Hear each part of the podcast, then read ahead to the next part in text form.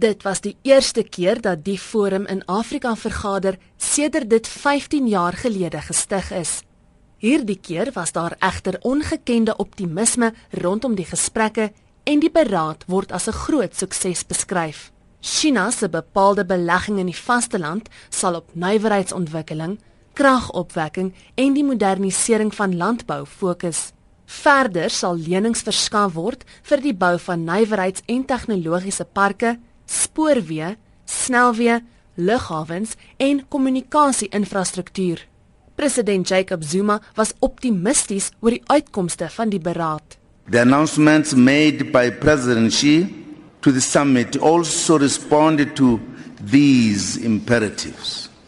We are therefore aligned and are on the same path towards development and progress. Let me reiterate, therefore, that this summit has certainly taken the FOCAC partnership to its highest level ever. We have every reason to be upbeat about the future of the FOCAC partnership. Die Chinese president Xi Jinping het Beijing se verbintenis tot wederkerig voordelige handels- en beleggingsbande met Afrika bevestig. No matter how the international political landscape may evolve, China and Africa will remain brothers who treat each other as equals and trust and support each other. China, who shares a common bond and a common future with Africa, will remain a good friend, good partner, and a good brother of African countries. No matter how the international economic landscape may evolve, our fundamental goal of achieving win-win cooperation and common development will not change.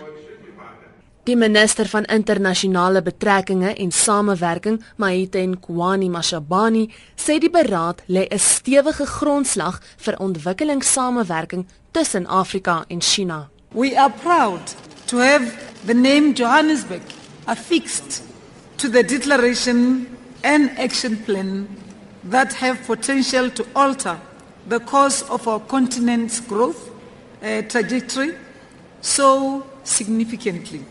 We are committed to fully implementing all of our joint uh, commitments and obligations over the coming three years, taking FOCAC to ever higher heights of achievement to the benefit for all our peoples.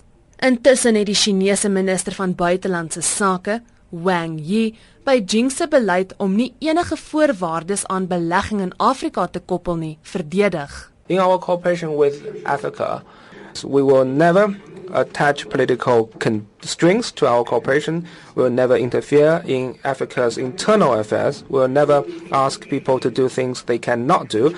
We will never make empty promises. And as a matter of priority, we will take into account Africa's actual needs.